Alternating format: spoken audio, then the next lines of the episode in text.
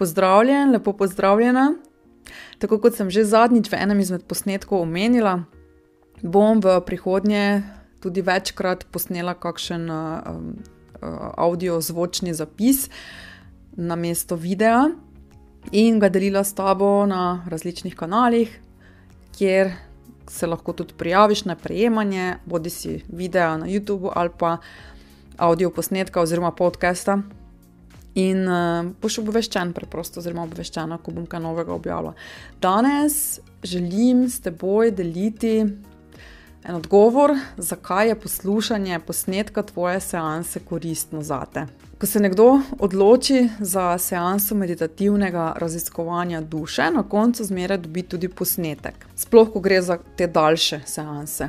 Običajno v seansi doživi zgodbe preteklih ali drugih življenj, doživi nek pogovor s svojim višjim jazom in, vkolikor tako nanese, je deležen tudi meditacije za samo regeneracijo In ta posnetek je izjemno in neverjetno uporabno orodje, ki ga moji klienti zmeraj dobijo. Pravzaprav je to dožnost čisto vsakega izvajalca takšnih in podobnih seans. Včasih se je snemalo na magnetofon ali kasetofon, danes se snema na računalnik ali digitalni snemalnik. In tako je svoje študente učila že tudi Dolores Cannon, ki je imela tudi velik vpliv na našo mentorico Candace Crow Goldman, ker je tudi sama vse seanse snemala na magnetofonski trak in to vse do leta 2014, zato ker je edino to znala.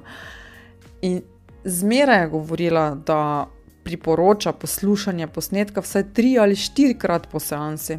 In odkar delam na tem področju, tudi sama svetujem svojim klientom, da poslušajo posnetek koliko krat želijo, vendar naj to storijo vsaj enkrat in da ga začnejo poslušati na katerem koli delu, ker tam se ponavadi nahaja tista informacija, ki jo v tistem trenutku potrebujejo, ali pa neko vedenje, ki ga morajo ozavestiti v tistem trenutku. In po končani seansi vsakomur rečem, naj prisluhne posnetku.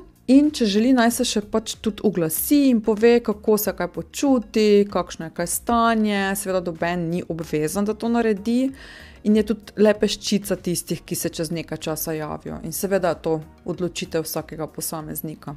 Zdaj, tukaj se pojavi vprašanje, koliko krat je priporočljivo poslušati posnetek in zakaj sploh. Zdaj, nekateri klienti nikoli ne poslušajo svoje seanse. In le nekaj je tudi takšnih, ki posnetka niti ne želijo, ampak takšnih je zelo malo.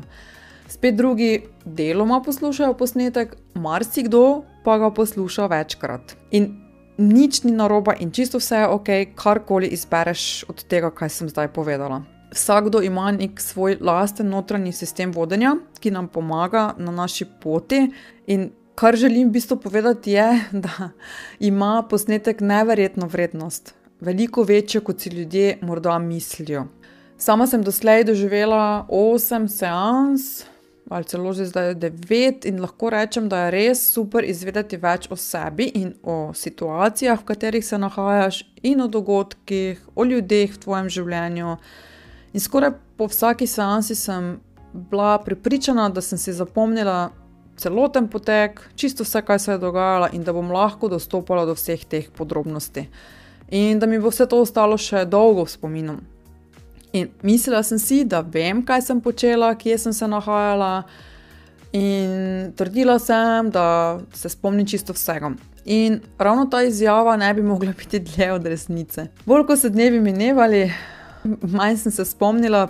Še vedno sem se še sicer spominjala določenih prizorov, in po nekaj tednih sem se le odločila, da pa prisluhnem posnetku. In na moje presenečenje, sem veliko tega, kar se mi je dogajalo v seansi, že zdavnaj pozabila. In sem se spraševala, joj, kam je šel spomin, kako sem lahko pozabila toliko vsega tako hitro. Ne?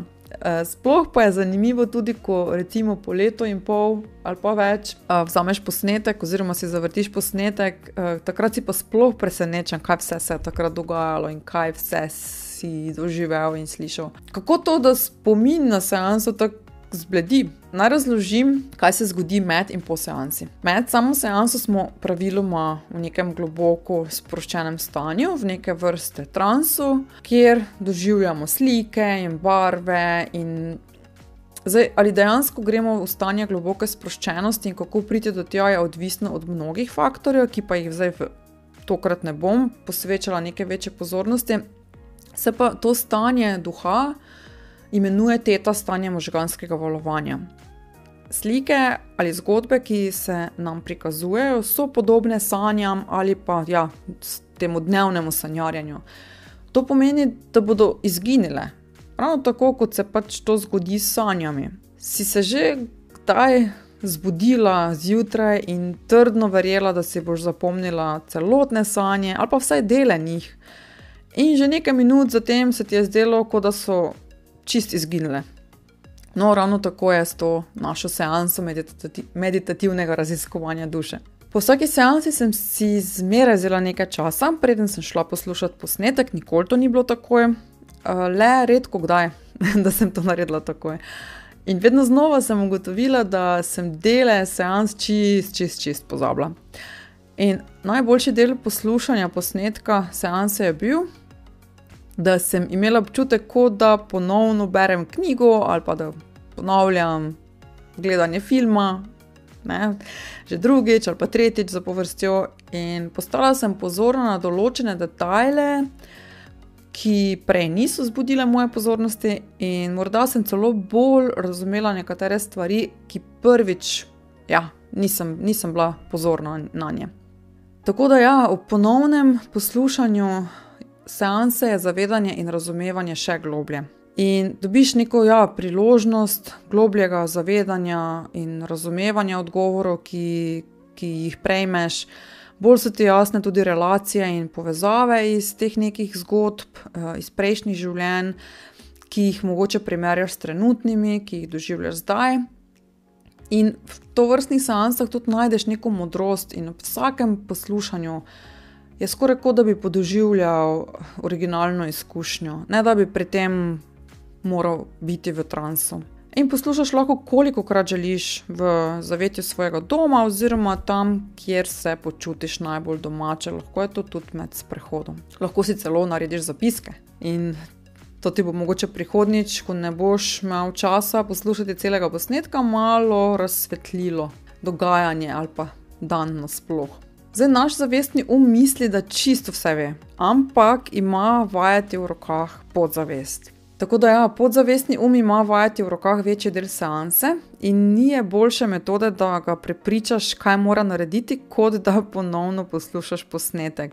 Konec koncev vsi odgovori pridejo iz neke više inteligence nas samih. In naš zavestni um misli, da čisto vse ve in želi nadzirati naše življenje, ampak ne, na, raziskovalci so ugotovili, da je naš podzavestni um tisti, ki je za krmilom in v 95 odstotkih celotnega časa nadzira naš vsakdanjik. A so stara prepričanja res železna srca, ki jo je težko sleči? Podzavestni um je zelo neodvisen, ima svojo svobodno voljo in nas ne posluša. Prav tako ne posluša nikogar drugega. Znano in dokazano je, da so se kakršnakoli prepričanja, ki jih nosimo globoko v podzavestnem umu, sposobna manifestirati v realnosti zunanja, zunaj nas. Tako namreč ustvarimo svojo resničnost iz globine podzavesti. In najboljši način, oziroma kdaj najlažje, najboljše spremenimo stare vzorce in prepričanja, je, ko smo v stanju globoke sproščenosti. Drug način, kako transformirati stara prepričanja, je, da svoji podzavesti vedno znova govorimo točno tisto, kar želimo spremeniti. Tako da morda spremenimo neželena vedenja v nova, spremenimo stare čustvene reakcije na določene situacije v nove, bolj ravnovešene reakcije, ki nas bodo pripeljale do popolnoma drugačnega izida.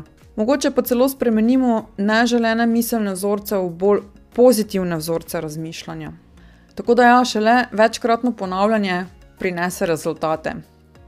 Zdaj, če pogledamo podzavestni um dojenčka, ki ga igra popolnoma posrka vase, če želimo pridobiti njegovo pozornost, ko pokličemo po imenu, ampak nas niti slišal ne bo. Če ga pokličemo še enkrat, bo morda slišal in dvignil pogled, vendar ne bo polagal pozornosti na nas. Zdaj, če ga pokličemo večkrat, nas bo najverjetneje slišal in radovedno pogledal, vprašajoč, kaj želimo. Ampak vedno znova mu moramo povedati, kaj želimo od njega, in bolj kot to ponavljamo, boljši so rezultati. In podobno je tudi s posnetkom seanse. Bolj kot ga poslušaš, več odneseš iz celotne izkušnje. Gre v bistvu za utrjevanje sugestije in nekateri temu rečejo samo sugestija ali pa celo placebo učinek. Ni pomembno, kako ga imenujemo, pomemben je samo izid. Ja, naši možgani delujejo na osnovi najrazličnejših načel, in eno izmed njih je zmanjšana poraba energije. Torej, najmanj energije se porabi, če vse poteka po ustaljenih nevronskih poteh. Ja, na ta način privrčujemo energijo, oziroma možgani privrčujejo na mestu naš. Kar, kar pa pomeni, seveda, da, da vedno ubirajo stare in že znane poti, ker to zahteva najmanj energije. V procesu spreminjanja miselnih in vedenskih vzorcev se postvarjajo nove nevronske poti zaradi novega načina dojemanja in pogleda na stvari.